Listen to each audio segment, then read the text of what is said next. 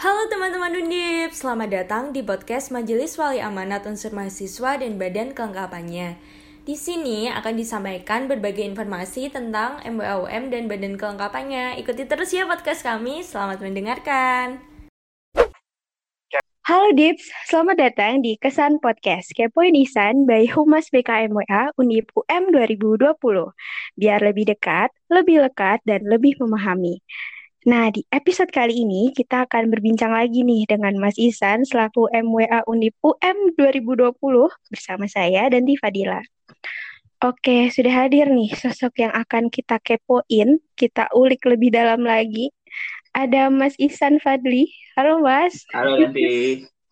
Apa kabar? Apa kabar nih Mas? Alhamdulillah baik. Alhamdulillah. Hmm, Gimana nih Mas kondisi di Tembalang? Mas masih di, di Tembalang kan ya berarti ini? Iya nih, aku di Tembalang dari kapan ya? Dari Maret kita libur di apa diliburkan dari kampus. Itu aku nggak pulang. Jadi hmm. udah berapa nih kita? Tujuh ya, tujuh bulan ya? Eh, tujuh pas? Tujuh. Ya itulah. Wah, saya sampai lupa, lupa tuh Mas. Ya. Saya kelamaan banget. ada lumutan. oh iya, ada lumutan saya di rumah gitu kan. Iya Nah, tapi aku juga mau nanya nih, Mas. Kegiatan-kegiatan rapat sama agenda lainnya di BK itu sistemnya masih offline atau online, Mas? Di BK apa MWA nih? Uh, MWA. Oh, MWA. Jadi kalau di MWA itu awalnya uh, itu online karena memang uh, kita mengantisipasi dulu ya, kita menghindari dulu untuk uh, bertemu gitu di kantor. Mm. Tapi lama kelamaan uh, via daring ini bisa dikatakan nggak efektif buat uh, anggota MUA yang hadir pada rapat. Karena di apa di biasa kan kita kalau ngobrol itu kan enak ya tektokan kalau ketemu langsung. Oh bapak ini silakan, ibu ini silakan prof ini silakan tapi sedangkan kalau di uh, daring itu entah itu kadang koneksinya atau misalnya uh, lagi ada di rumah mungkin ada anak atau cucunya lagi main kan jadi banyaklah ininya uh, gangguannya kayak gitu jadi akhirnya kapan ya setelah lebaran itu masuk ke ini masuk offline kita di kantor gitu jadi mm. udah lumayan ya dari berarti setelah lebaran lah kita udah ini lagi udah offline lagi gitu. oh tapi kan uh, kondisi sekarang mm-hmm. Mas Isan kan berarti juga harus berinteraksi nih ya sama uh, temen para unsur mahasiswa eh unsur MWA terus uh, satu ruangan. Emang itu nggak jadi pertimbangan ya mas? Kan cukup bahaya juga di, di kira-kira jadi memang biasanya itu uh, satu meja itu satu meja itu kan untuk ukuran dua orang normalnya tuh. Uh, mm-hmm. ini ya keadaan normal. Tapi uh, ke sini ke sini akhirnya satu meja itu satu orang. Jadi uh, tetap ada jarak walaupun memang mungkin suatu meter kurang lah kayak gitu. Tapi kita udah ini ya istilahnya yang datang pada rapat hari itu eh, harus dipastikan sehat gitu. Pokoknya nggak boleh sakit, nggak boleh apa. Tapi kalau misalnya demam atau apa, udah mending gak usah masuk kayak gitu. Biasanya kayak gitu. Nah kebetulan di MUA itu kan ada unsur ini ya, unsur profesor itu ada Prof. Tanto dari kedokteran. Nah beliau ini eh, biasanya eh, di rumah sakit juga di Karyadi Nah, jadi beliau kalau misalnya datang atau ikut rapat, biasanya beliau mandi dulu tuh, pulang, mandi, terus nanti dari balik rapat lagi mandi lagi sebelum ke rumah sakit. Jadi uh, lebih apa ya, kita menjaga diri masing-masing lah gitu, walaupun memang uh, apa ya, nggak ada kayak misalnya swab test atau misalnya rapid itu nggak ada, cuma kita kalau kita yakin sehat berangkat, kalau nggak udah mending nggak usah kayak gitu. Karena memang uh, yang hadir di rapat itu bisa dikatakan uh, umur di atas umur 50-an kayak gitu kan. Mungkin aku yang paling muda sendiri. Iya, benar-benar. Sebenarnya yang paling rentan beliau-beliau ini kayak gitu. bisa Iya. Dan bisa jadi juga kan yang rentang itu malah justru bisa jadi ODP juga. ya enggak iya. sih? Iya, insya Allah ya kita ini ya istilahnya yakin dulu sama kita apa diri kita kita udah berusaha minimal berangkat itu kita udah keadaan bersih lah minimal udah mandi dulu mandi dua kali nggak apa-apa jadi udah uh, antisipasinya seperti itu. Oke. Nah, aku juga mau nanya, Mas. Kalau agendanya rapat MWA sekarang itu berarti kayak gimana, Mas? Maksudnya itu apa? Uh, bahasannya atau misalnya modelnya? Uh, modelnya dulu kali ya, biar teman-teman bisa tahu Oke, nih. biasanya kalau selama ini yang udah dijalanin itu pembahasan itu bisa dua, bisa yang uh, usulan ataupun uh, permintaan gitu dari pihak rektorat, baik itu dari WE, uh, wakil rektor ataupun rektor ataupun dari unit-unitnya yang ada di bawah rektorat mengusulkan untuk sebuah pembahasan itu nanti akan dibahas gitu di apa MOA itu sendiri. Nah kemudian kalau misalnya internal MOA sendiri itu belakangan ini uh, membahas terkait dengan peraturan hubungan antar organ seperti itu yang insya Allah uh, akhir tahun ini akan disahkan gitu. Tapi kebanyakan memang uh, lebih ini sih banyak usulan dari apa dari pihak rektorat kayak gitu. Misal mau ada usulan pembukaan program studi baru, pengadaan uh, master plan uh, kampus peleburan, kampus yang ada di Jepara kayak gitu. Jadi memang uh, sejauh ini untuk di semester ini khusus ya banyak yang dari rektorat terlebih dahulu. Hmm, kalau agenda bahasanya kira-kira apa nih mas yang lagi hot-hotnya di MWA? Hot-hotnya, oh sekarang itu uh, periode kepengurusan MWA itu kan udah mau habis nih di tahun 2020 ini. Yeah. Tapi nanti masa bak masa baktinya itu sampai uh, 26 Februari nanti. Jadi sekarang kondisinya di MWA ini sedang uh, mau persiapan pergantian MWA. Pemilihan lah. Pemilihan oh, itu nanti yeah. prosesnya itu lewat senat akademik kayak gitu. Jadi yang istilahnya kalau kita itu kan kayak pemira ya, panlihnya lah ya. Panlihnya itu dari senat yeah, akademik. Yeah. Gitu. Nah jadi itu kemarin uh, dari MWA uh, baru mengesahkan gitu peraturan MWA tahun 2020 ini tentang tata tata tertib majelis wali amanat. Jadi untuk uh, pemilihan pertama ini pemilihan uh, periode berikutnya itu direncanakan uh, anggota MO ini bisa ikut di kepanitiaan pemilihannya seperti itu. Karena memang sebelumnya itu uh, pemilihan dilakukan oleh senat akademik sama rektor kayak gitu. Oh. Nah, aku juga penasaran nih. Tadi Mas Isan bilang sistemnya kayak pemira. Nah, itu berarti nanti unsur MWA setiap uh, setiap unsur itu tuh nanti dia mengajukan atau diajukan atau kayak gimana sih mas? Jadi sistemnya itu nanti uh, kurang lebih kayak ini, kayak dibuka pendaftaran gitu loh, kayak pendaftaran mm -hmm. mengajukan misal dari unsur profesor, unsur profesor itu bisa jadi guru besar juga bisa masuknya di situ kemudian ada unsur uh, dosen yang bukan profesor yang masih S2 gitu kan terus mm ada unsur alumni juga kemudian ada unsur masyarakat nah nanti nama-nama yang itu uh, bakal masuk ke senat akademik nanti dari tim istilahnya apa ya tim penyeleksi lah tapi belum belum ada namanya nih sebenarnya itu yang bakal menyeleksi terkait dengan fit and proper testnya bagaimana eh, calon-calon ini yang akan uh, mengemban amanah lima tahun ke depan kayak gitu. Jadi. Jatuhnya pemilihan itu nanti ada di uh, tingkat senat akademik yang memilih apakah uh, uh, setuju akan mengangkat uh, calon-calon ini sebagai anggota MOA atau tidak seperti itu. Oh gitu, oke okay, oke. Okay. Uh, Oke, okay, back to the topic nih ya. Ini kayaknya agak keluar melenceng nih. Nah, uh,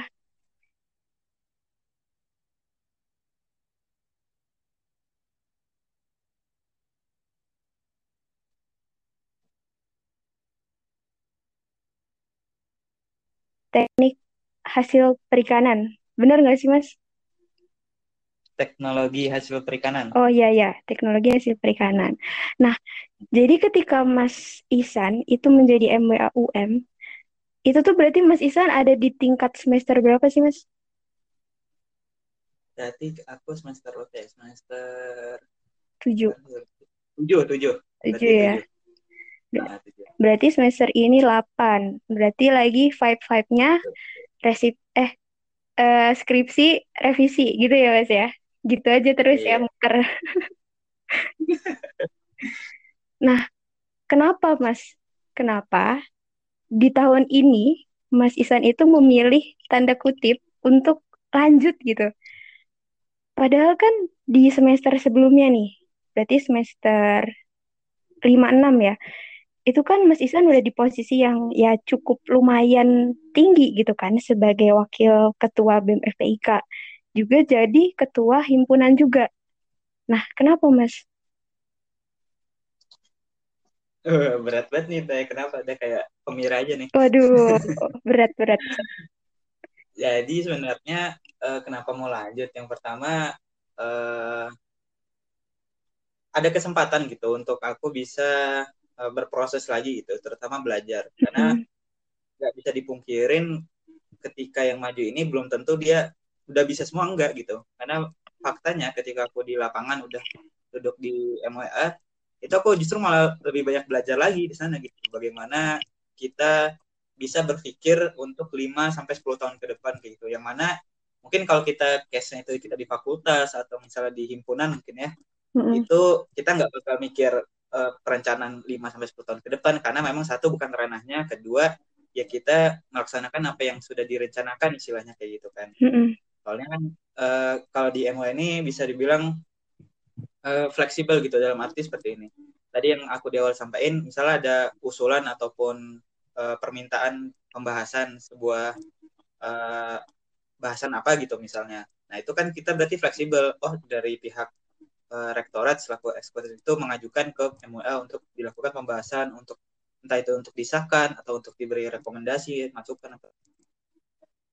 Memang uh, istilahnya apa ya fleksibel dan fluktuatif lah kayak gitu bahasan kita di sana. Jadi uh, yang hal yang aku pelajari di sana bersama beliau-beliau ini yang udah apa ya udah menjadi pakarnya lah ya di ada yang jadi bidang ekonomi, ada yang di bidang pembangunan, hukum dan sebagainya jadi justru aku malah lebih banyak insight di sana gitu oh ternyata gini ya konsep kita ketika kita di istilahnya di company kan ibaratnya nih kalau kita asumsikan itu seperti yeah, iya. perusahaan yeah. ya oh kita mikir sebenarnya ada yang jadi manager ada yang jadi apa uh, bagian development ada yang bagian brand manager dan lain sebagainya jadi kurang lebih kayak gitulah jadi bisa dibilang ilmu yang ada di MH ini justru ilmu baru gitu yang enggak mungkin nggak belum aku dapatkan di tempat-tempat sebelumnya gitu jadi itu satu sih kesempatan untuk aku bisa belajar lebih kemudian yang kedua adalah tidak dipungkirin gitu. Uh, koneksi gitu. Karena memang selama kita berkuliah khususnya menjadi mahasiswa tuh uh, jangan sampai kita udah bayar mahal-mahal uh, setiap semesternya tapi kita nggak punya koneksi apa pun gitu. Justru itu yang kita benar, benar banget. Jadi uh, memang koneksi yang di sini yang uh, menjadi apa ya uh, poin plus juga sih aku gitu. Poin plus aku untuk wah ini koneknya lumayan bagus. Tapi memang uh, ekspektasinya agak sedikit melenceng karena kita pandemi ya. Jadi memang uh, untuk bisa berinteraksi dengan entah itu MWA di PTNBH yang lain atau misalnya ada kegiatan forum MWC Indonesia dan lain sebagainya uh, tidak terlaksana seperti itu. Jadi memang ya koneksinya di lingkup MWA dulu aja kayak gitu. Mungkin nanti entah itu di Januari kalau udah Februari lebih baik bisa jadi ada uh, kegiatan ataupun forum yang bersama PTN-PTN lainnya, PTN-PTN lainnya. Oke, berarti ada kemungkinan Mas Isan maju lagi ya jadi MWA UM gitu ya? Udah, udah tamat, udah tamat. Oh, kira iya. Oke, tapi kalau kerjain skripsi lah gitu masih ngelap ngelap dulu jadi udah sih kalau untuk kegiatan akademik sama ini ya MA itu di luar itu mungkin mm. ya ketemu uh, teman-teman yang lain di luar ngajak diskusi dan lain sebagainya. Gitu sih.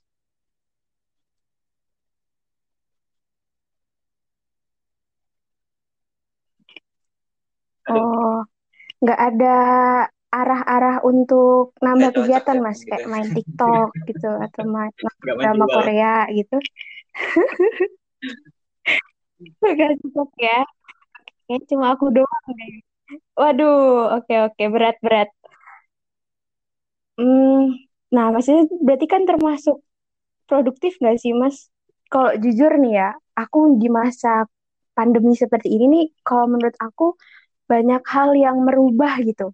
Mulai dari mental yang udah mulai diambang-ambang terus habit-habit yang udah kita bangun gitu itu udah Jadi, mulai kalau berubah ini gitu. Sebenarnya kembali ke Kalau menurut Mas gimana, masing-masing Mas? gitu. Karena memang Bener gak banyak hal-hal yang sekiranya yang dulu mungkin sempat kita list ya. Misalnya mau belajar masak, mau belajar buat konten, mau belajar uh, apa istilah ikut uh, pelatihan, ikut sertifikasi. Mungkin bisa dibilang baru terlaksana sekarang gitu. Karena uh, fleksibilitas kita di rumah, kita bisa istilahnya multitasking gitu ya, buka laptop satu, terus buka HP, mungkin buka yang lainnya kayak gitu jadi sambil ngezoom sambil ngerjain yang lainnya.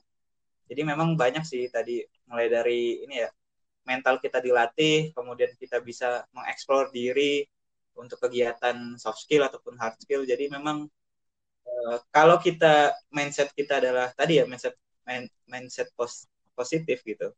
Positive yeah. thinking ya mungkin mengarahnya ke sana tapi uh, tidak dipungkiri gitu. Mungkin di awal-awal ah ini gimana sih pandemi nggak kuliah, kuliahnya juga ogah-ogahan dan lain sebagainya gitu. Jadi uh, ngerasanya useless aja gitu. Padahal yang membuat useless ya diri sendiri gitu. Jadi memang yang pertama tuh ya mindset kita dulu kita nih mau mau jadi yang pribadi yang seperti apa hmm. di masa pandemi. Gitu.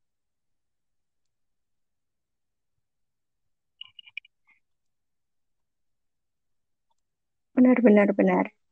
Nah, kalau Mas Isan sendiri kendalanya waktu pandemi gini tuh kayak gimana Mas? Dari kegiatan mungkin Mas Isan jadi MWA, jadi MWA. Kalau aku terus, pribadi ya untuk jadi pandemi mahasiswa ini juga terlalu yang boleh diceritain nggak gitu ya? Karena mungkin uh, kegiatan akademik aku udah nggak udah selesai, bisa dikatakan selesai, tinggal tugas akhir seperti skripsi kayak gitu. Kemudian kalau untuk kegiatan MWA sendiri, tadi yang aku sampai di awal, uh, kita udah offline juga, jadi udah sebenarnya udah sama kayak seperti di apa tahun-tahun sebelumnya gitu ya biasa aja. Cuman memang protokol kesehatan gitu. Jadi bisa dibilang ya hampir nggak ada bedanya ya gitu. Cuman memang uh, apa ya aktivitas kita jadi misalnya yang ada social distancing kita pakai masker dan kebiasaan apa membiasakan diri untuk mencuci tangan lebih ke sana sih kayak gitu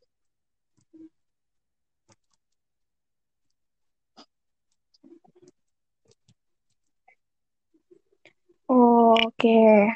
Nah, tapi nih ya Mas, uh, aku nih yang jadi mahasiswa standar aja nih kayak organisasi, terus kuliah tipis-tipis, loh, terus skripsi, eh skripsi, uh, scroll-scroll timeline gitu kan, terus makan tidur, itu aja tuh udah bikin aku untuk mental breakdown gitu.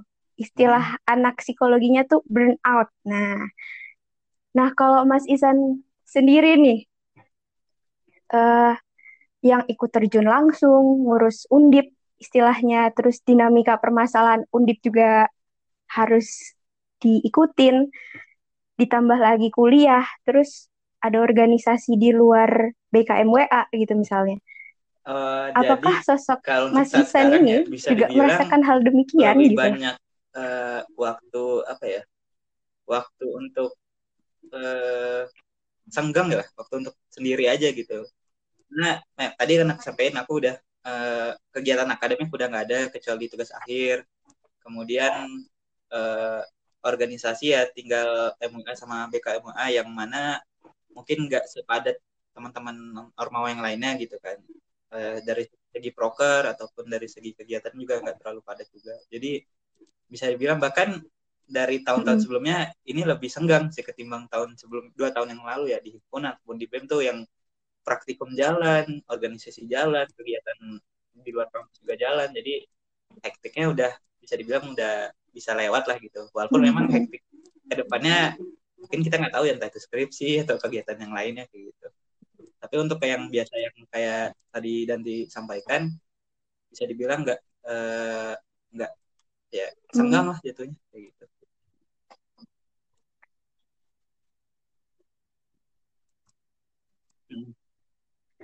Hmm, tapi kan berarti Mas Isan juga pernah nih ada di posisi yang demikian gitu kan.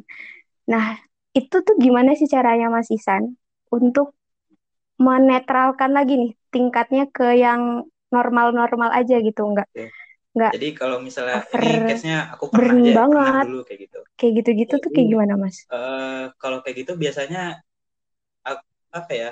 Ada support lah, ya, ada support pernah. dari yang luar. Misal hektik di akademik gitu. Hektik praktikum hektik laporan kemudian hektik tugas-tugas makalah ataupun lain sebagainya. Ya sebenarnya yang hektik itu nggak aku aja gitu. Jadi kadang ngelihat temen tuh jadi juga hektik kan. Oh ya udah sendiri. Uh, ada barengannya ini gitu. Jadi aku nggak sendiri sendiri amat lah. Kalau misalnya oh ada tugas ini ya? Oh, nggak tenang. Dia juga ngerjain kok. Jadi aku ada temennya untuk ngerjain. Terus sama ini sih uh, biasanya kalau aku tuh suka nulis kegiatan. Jadi misalnya hari ini kegiatannya ataupun besok nih mau ngapain aja. Urutannya dari pagi sampai malam lagi tuh ngapain kayak gitu. Jadi oh udah kebaca nih aku bakal spare waktu untuk kegiatan berapa jam spare waktu untuk istirahat atau leye-leye lah kayak gitu. Ntar spare waktu untuk makan dan lain sebagainya. Jadi kita udah nakar nih di besok eh, di esok hari itu kita capeknya berapa persen nih? Kalau misalnya capeknya full ya berarti uh, kita istirahat lebih awal kayak gitu. Atau misalnya kalau uh, normal aja sibuk tapi tetap ada waktu senggangnya ya biasa aja kayak gitu. Terus paling kalau misalnya ada waktu senggang atau misalnya kalian capek atau istirahat istirahat aja udah. Ya istirahat menurut kalian lah. Ada yang istirahat itu nge-scroll IG nge-scroll Twitter ada yang nonton drama Korea ada yang udah tidur aja gitu.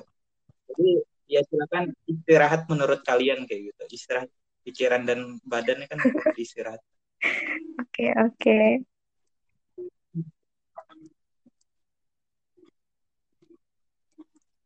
Oke, berarti ini juga salah satu tips ya. Nah, uh, terus ya gimana ya? Jadi organisatoris, terus juga atau bahkan bisa menjadi pejabatnya gitu. Itu kan pasti juga ada konsekuensi ya, Mas, yang harus dihadapi gitu. Entah itu antara istirahat, akademik, dan organisasi itu sendiri.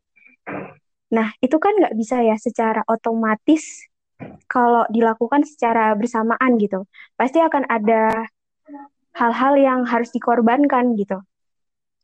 Nah, pernah nggak sih mas, uh, mas itu keteteran untuk melakukan tugas jadi MWA, Pastinya terus pernah. juga jadi sebagai mahasiswa, atau juga bahkan sebagai orang anak. pernah keteteran pada waktunya ya, pada tempatnya kayak gitu. Uh, biasanya kalau udah ada kelihatan uh, hawa-hawa hmm. keteterannya biasanya aku persiapannya kalau ada sesuatu yang ditinggalkan dulu mungkin kerjaan yang lain tuh aku uh, sampingkan dulu ini aku harus selesaiin atau enggak memang uh, minta bantuan orang lain gitu yang bisa bantuin kayak gitu jadi memang mau nggak mau tugas itu harus terselesaikan bagaimana caranya entah itu ada yang dikorbankan dalam, dalam arti yaitu di uh, apa dipending dulu atau memang kalau nggak bisa uh, kita minta bantuan orang lain gitu untuk uh, membantu menyelesaikannya. Mm-hmm.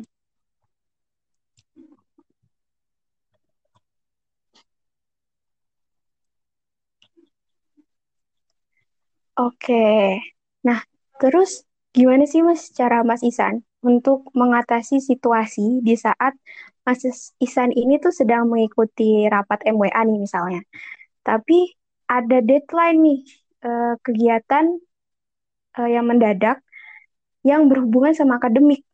Misalnya nih, misalnya. Eh, Kira-kira ini gimana Mas Isan untuk menghadapi situasi itu? Lagi rapat MOA itu kegiatan apa pun aku stop dulu. Mau akademik mau apa pun. Jadi konteksnya memang uh, ini sih biasain schedule gitu. Kita oh. orangnya uh, apa ya tertata rapi dengan uh, time schedule kayak gitu. Misal jam segini kita harus ngapain, jam segini harus ngapain. Jadi kegiatan ataupun ketika kita punya kerjaan dengan orang lain itu nggak bakal mengganggu kerjaan kita dengan uh, agenda yang lainnya juga kayak gitu. Jadi memang kalau misalnya uh, seperti sekarang nih lagi ngobrol sama Danti, berarti kerjaan yang lain aku stop dulu, aku biarin dulu aja nanti aku kerjakan ketika kegiatan ini udah selesai kayak gitu. Jadi memang uh, kalau mungkin kok banyak orang yang bisa multitasking ya sambil misalnya sambil ngerjain laporan sambil uh, zoom meeting misalnya kayak gitu. Tapi kalau aku pribadi uh, lebih nyaman ketika untuk satu dulu aku selesaiin sampai maksimal sampai selesai benar-benar selesai baru ngerjain yang lainnya kayak gitu jadi memang kembali ke pribadi juga kita terbiasa multitasking di waktu yang sama atau uh, itu tadi kita mengerjakan dengan uh, satu persatu tapi uh, tepat pada waktunya gitu.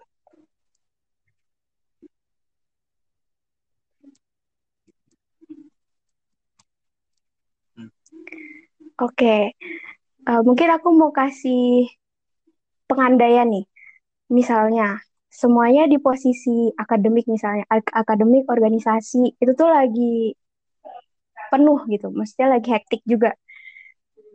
Uh, Mas Isan itu tuh tipe orang yang akan mengorbankan apa nih? Akademiknya, terus atau waktu istirahatnya, atau interaksi sosial gitu. Interaksi sosial tuh mungkin bisa Ini ngobrol aku sama temen, kayak nongkrong sama temen, olahraga di gitu-gitu. apa di BEM pada pas aku maba deh. Iya, aduh. Jadi biasanya kalau kayak gitu ya, Waduh, yang hal yang nggak udah bisa cocok tinggal jadi berarti komit. Eh, aduh, aku ngorbanin eh, jam istirahat dulu gitu.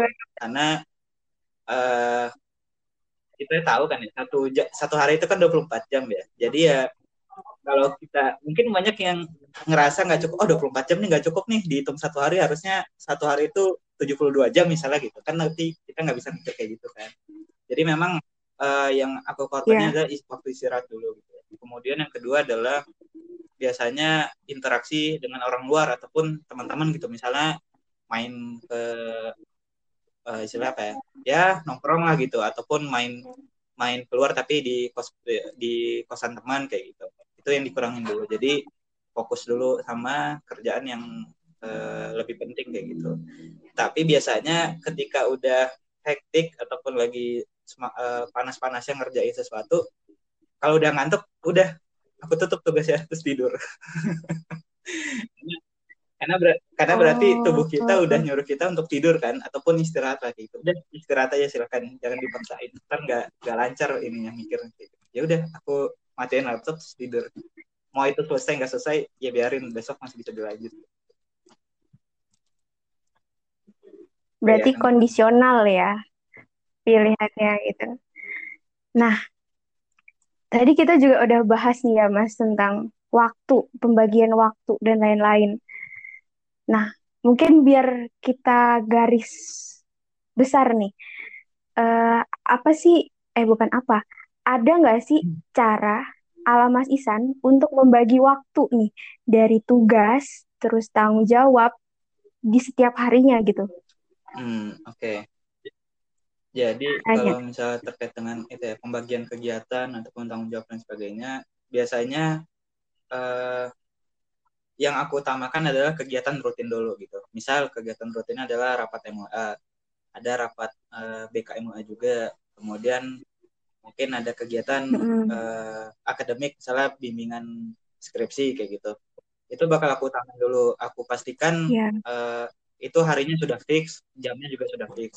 Di luar itu biasanya kalau misalnya ada kegiatan ataupun apa ya ngobrol santai lah sama teman-teman atau eh, orang luar itu aku sekarang itu untuk sekarang itu mengutamakan untuk janjian dulu gitu.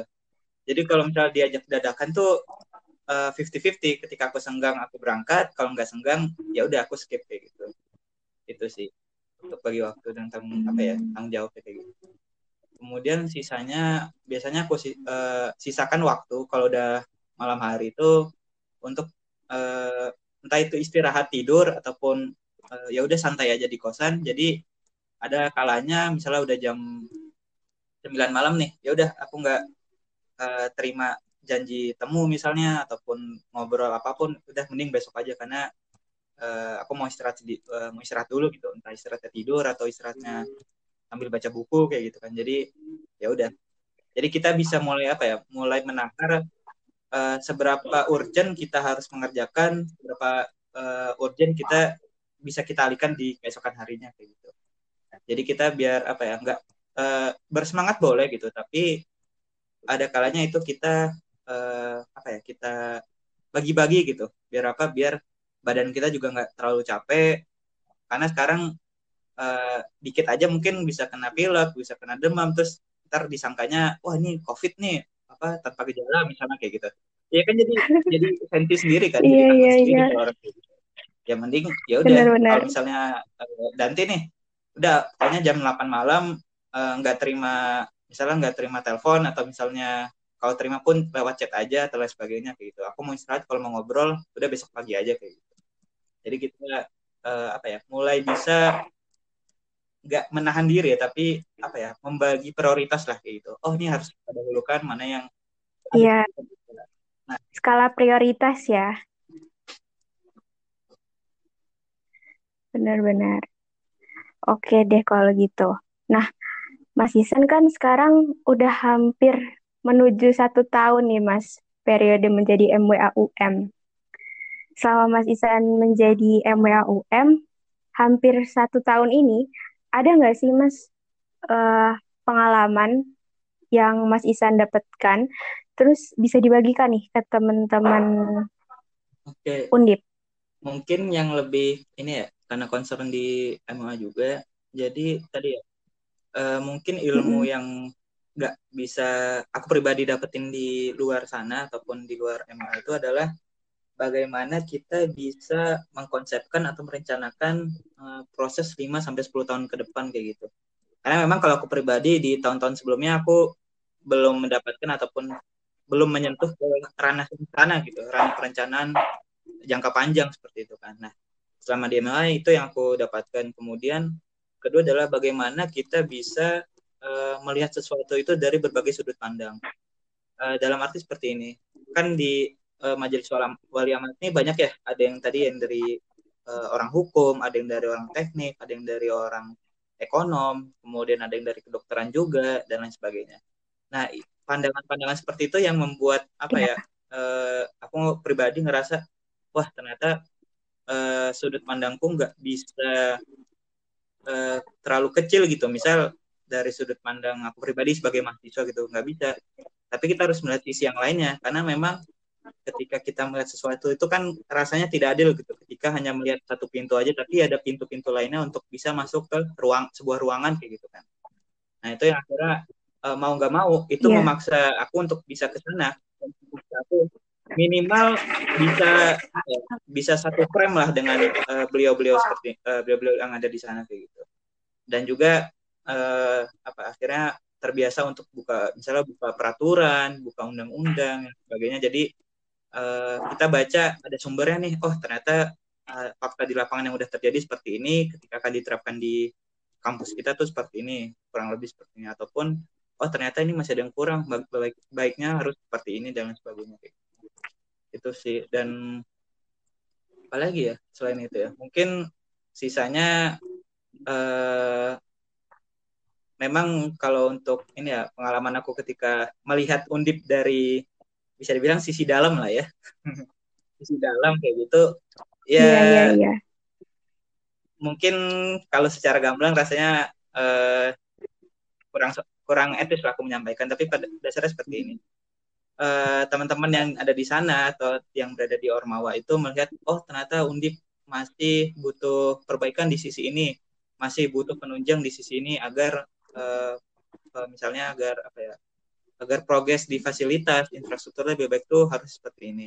Ya aku sepakat dengan teman-teman uh, yang dari Ormawa seperti itu karena memang pada dasarnya kalau dilihat dari sisi dalam banyak hal-hal yang perlu diperbaiki uh, lah seperti itu. Tapi memang nggak bisa kita melakukan itu hanya mengandalkan satu aja misalnya lewat majelis mana ataupun misalnya lewat dari teman-teman siswa enggak tapi semuanya itu harus bersinergi harus berkolaborasi untuk bisa menggolkan tujuan tersebut kayak gitu.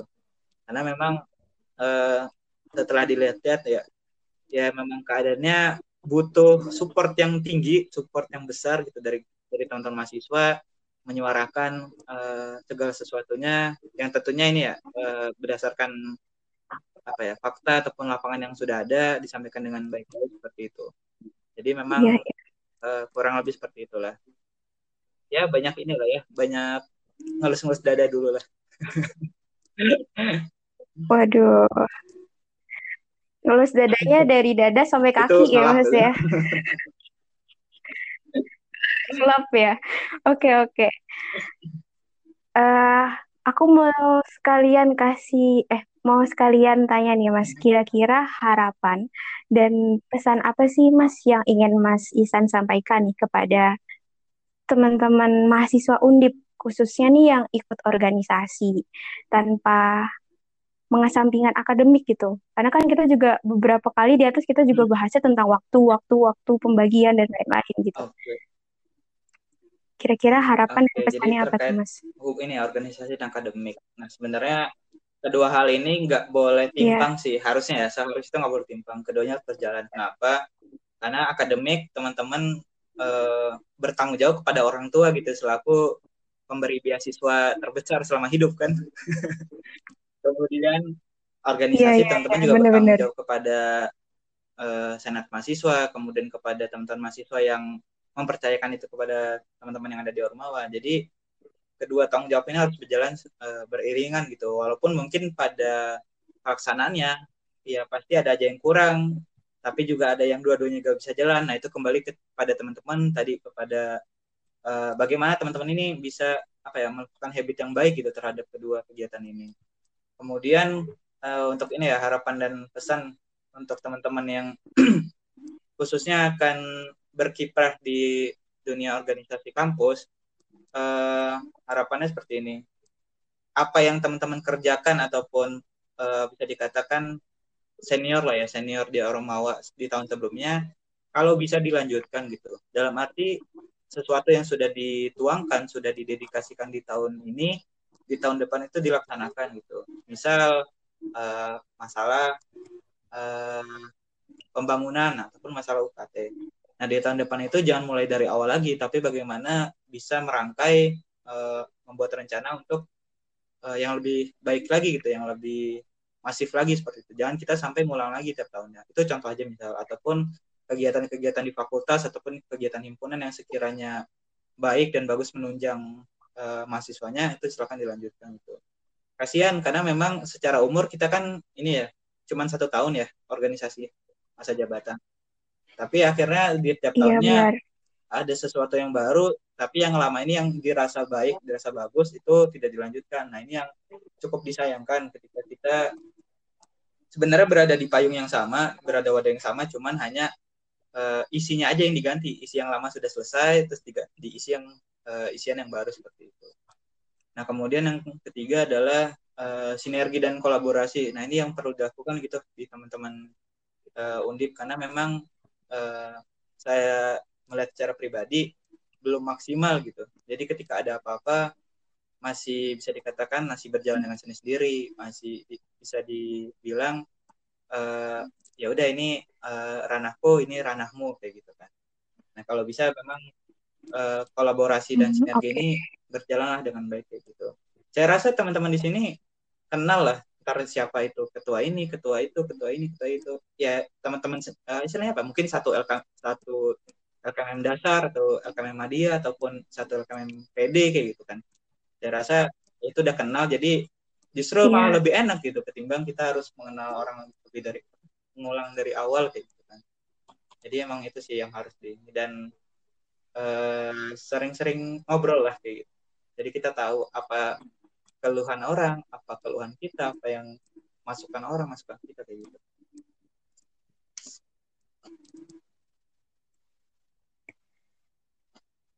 Oke, oke Mas. Wah banyak banget nih ternyata hari ini kita udah berbincang dari topik waktu sampai harapan-harapan. Hmm, semoga harapan-harapan kita akan segera terlaksana ya, Mas, di waktu yang tepat. Jadi jangan hanya berangan-angan aja gitu kan, tapi ada upaya-upaya juga nih yang harus dilalui gitu. Walau konsekuensinya juga akan terus menyerta gitu. Oke deh kalau gitu. Makasih banyak ya Mas Isan atas waktunya. Semoga Mas Isan selalu dalam keadaan sehat selalu dan dilancarkan Amin. urusannya gitu. Oke. Oke, makasih Danti. Makasih Mas Isan. Nah, baik. Nah, gimana nih Dips? Sudah lebih dekat dengan MWA Unip UM 2020 bukan? Nah, buat teman-teman nih yang masih kepo dengan Mas Isan selaku MWA Unip UM 2020, nantikan podcast kesan selanjutnya dan jangan lupa Jangan lupa, jangan lupa untuk isi form yang disediakan di bio Instagram kita di @mwa undip um. Nah, untuk pertanyaan-pertanyaan kepo lainnya. Terima kasih. Bye.